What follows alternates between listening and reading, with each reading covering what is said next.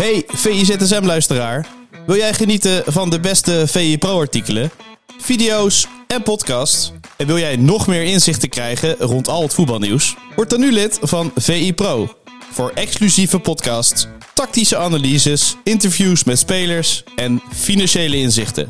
Ga nu naar vi.nl slash zsmpro voor de scherpste aanbieding.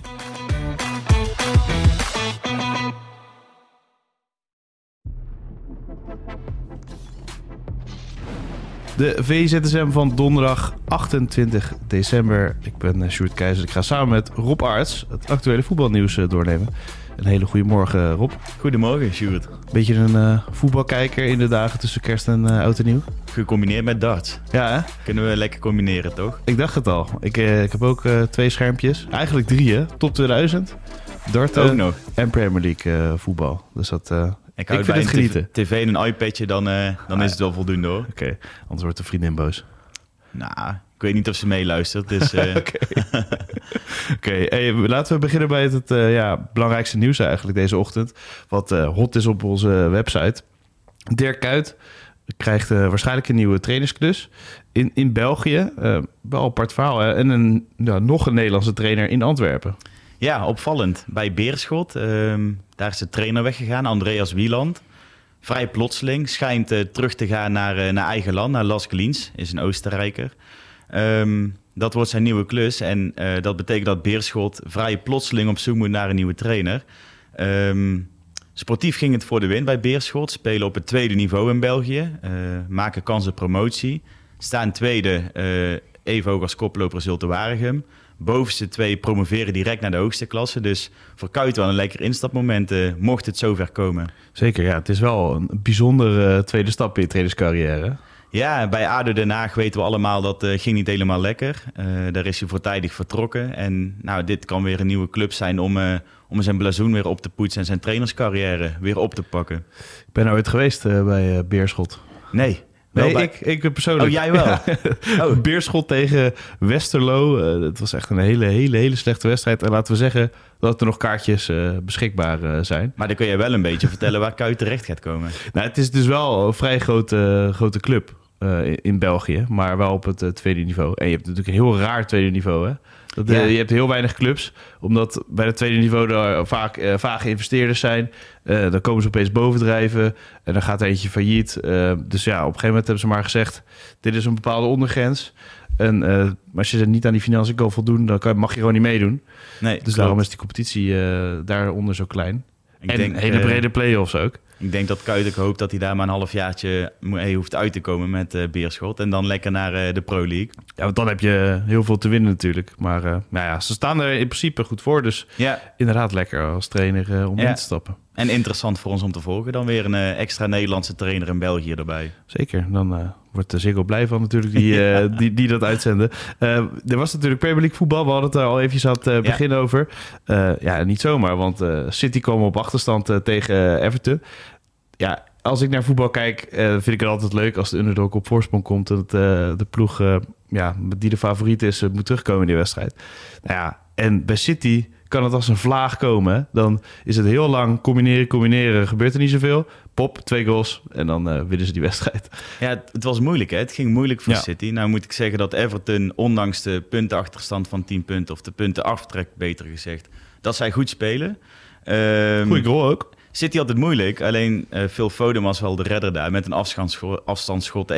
Was lekker, rug. goal zeg. En daarna nog Ake, die heel belangrijk was bij de penalty die uh, volgde uit een hensbal na een inzet van Ake. Was die ook wel Hens, hè? Die er nooit in was gegaan verder. Maar het was wel Hens, want hij maakt zijn lichaam groter. En dan gaat hij op de stip volgens de regels. Ken je Edgar IE nog van uh, Feyenoord?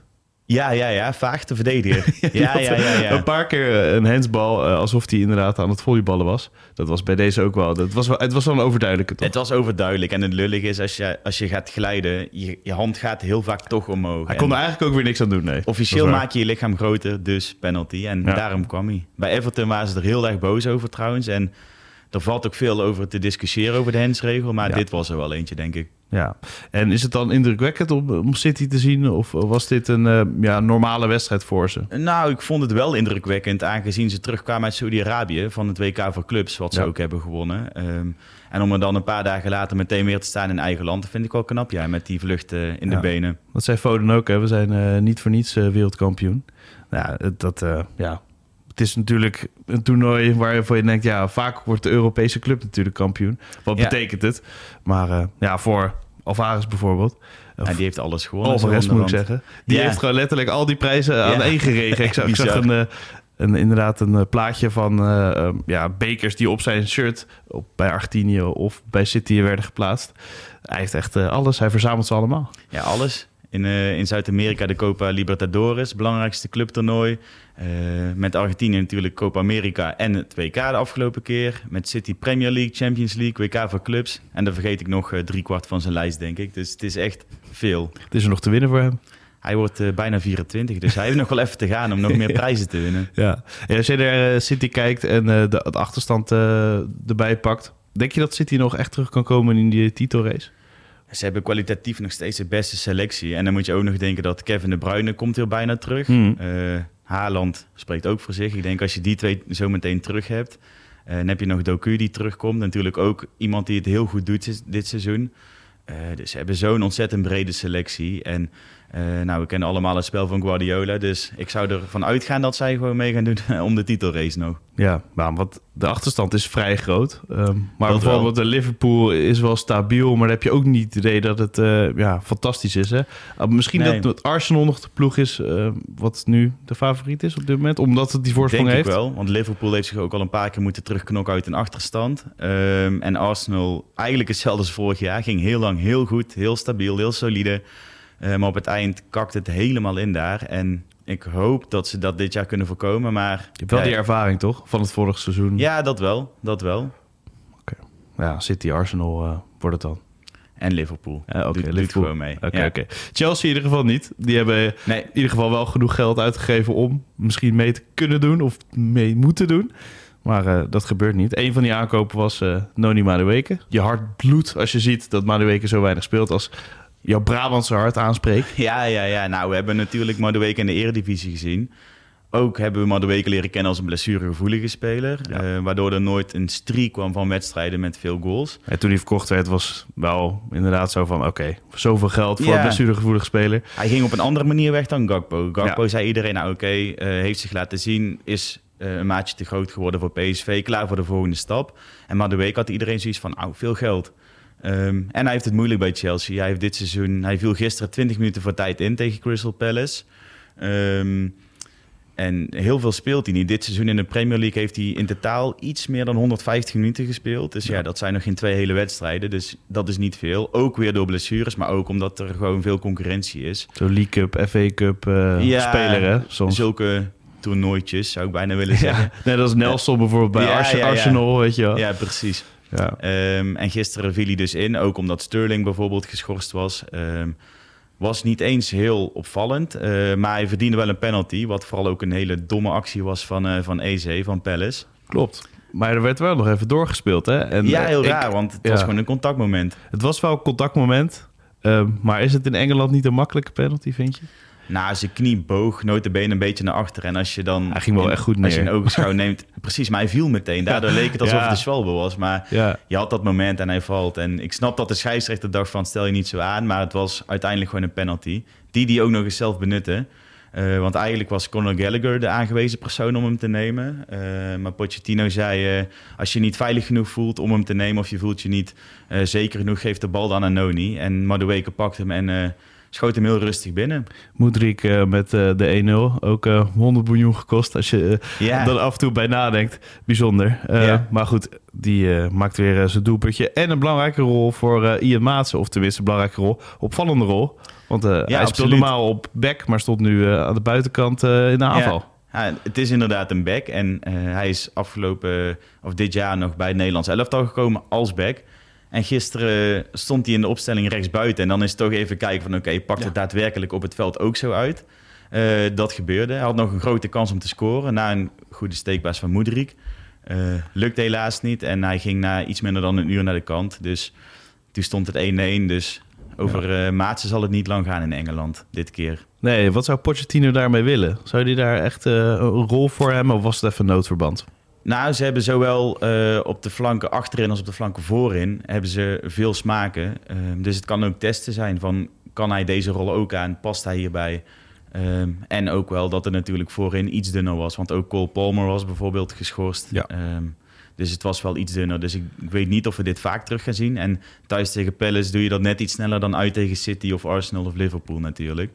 Het is toch een basisplek uh, in de Premier League. Het is ook voor dat hem uh, heel uh, bijzonder. Absoluut. Zijn eerste op Stamford Bridge ook. Dus, en Chelsea weer een overwinning. Ja, gaan die, ik heb toch ja. niet het idee dat zij definitief gaan opklimmen. Een moeilijke club, hè? Want ze blijven nu steken weer in de middenmoot. Je zou ja. zeggen, je hebt toch een beetje dat vorig seizoen... dat, dat, dat herinner je je nog heel sterk natuurlijk. En moet je dat dan als meelat gebruiken? Of moet je als meelat gebruiken dat ze heel veel geld hebben uitgegeven... en dat het een topclub is? Het hangt er een beetje tussenin voor mij. Ja, ja het zijn te veel spelers die uh, hetzelfde doen of uh, net niet elke week uh, kunnen leveren. Nee. Gewoon van die, die paaltjes die soms opvallen. Ja. Maar dat hebben ze allemaal. Ja. Dat wordt dan heel lastig ja, alleen als het Cole even tegen, Palmer, tegen zit. Alleen Cole Palmer ja. is eigenlijk heel stabiel. Um, ja. En verder met Nicolas Jackson bijvoorbeeld is het toch ook afwachten. De ene wedstrijd heel goed en dan valt het weer tegen. En zo gaat het ook met Chelsea qua resultaat. Het is gewoon heel, heel grillig allemaal daar. En uh, Pochettino, uh, daar natuurlijk uh, de trainer. Ja, um, hoe, ga, hoe lang gaat hij dit nog vol kunnen houden, denk je? Want op een gegeven moment komt er bij Chelsea weer wat op gang. Ja, we moeten toch die top 4 halen. Ja, het is Chelsea, ja top 4 is dit seizoen wel uit zicht. Dat nee, kunnen, maar kunnen we rustig stellen. Ik weet maar niet wat het verwachtingspatroon is, wat die club wil. Je zou zeggen dat normaal gesproken een nieuwe trainer een seizoen de tijd krijgt om te ja. bouwen, om zijn speelstijl te implementeren en om dan te kijken van volgend jaar, hey, hoe staan we ervoor? hebben we potentie geboekt? Ja. Uh, groeien we nog door? En dat dan pas wordt gekeken van oké, okay, stel dit zou volgend jaar de situatie zijn, dan wordt het wel heel lastig, denk ik. Ja, ja word je tiende, dan kan je toch ook niet door als Chelsea, me meestal, nee, meestal nee. niet. Nee, en heb je nee. nog de druk van de achterban erbij, van de eigenaren, noem maar op. Dus het is Ja. gewoon heel zwaar. Maar zetten we iemand anders neer en het wordt weer Ja. heel lastig. Smijten ze daar weer wat geld heen en dan Ja. eh, komt er wel weer iemand anders. Chelsea gaan we de, ja, nou, ik wil niet zeggen komende jaren op hetzelfde minimoot zien, maar het lijkt er wel op dat dat tot top 4 wel heel lastig is. Hè?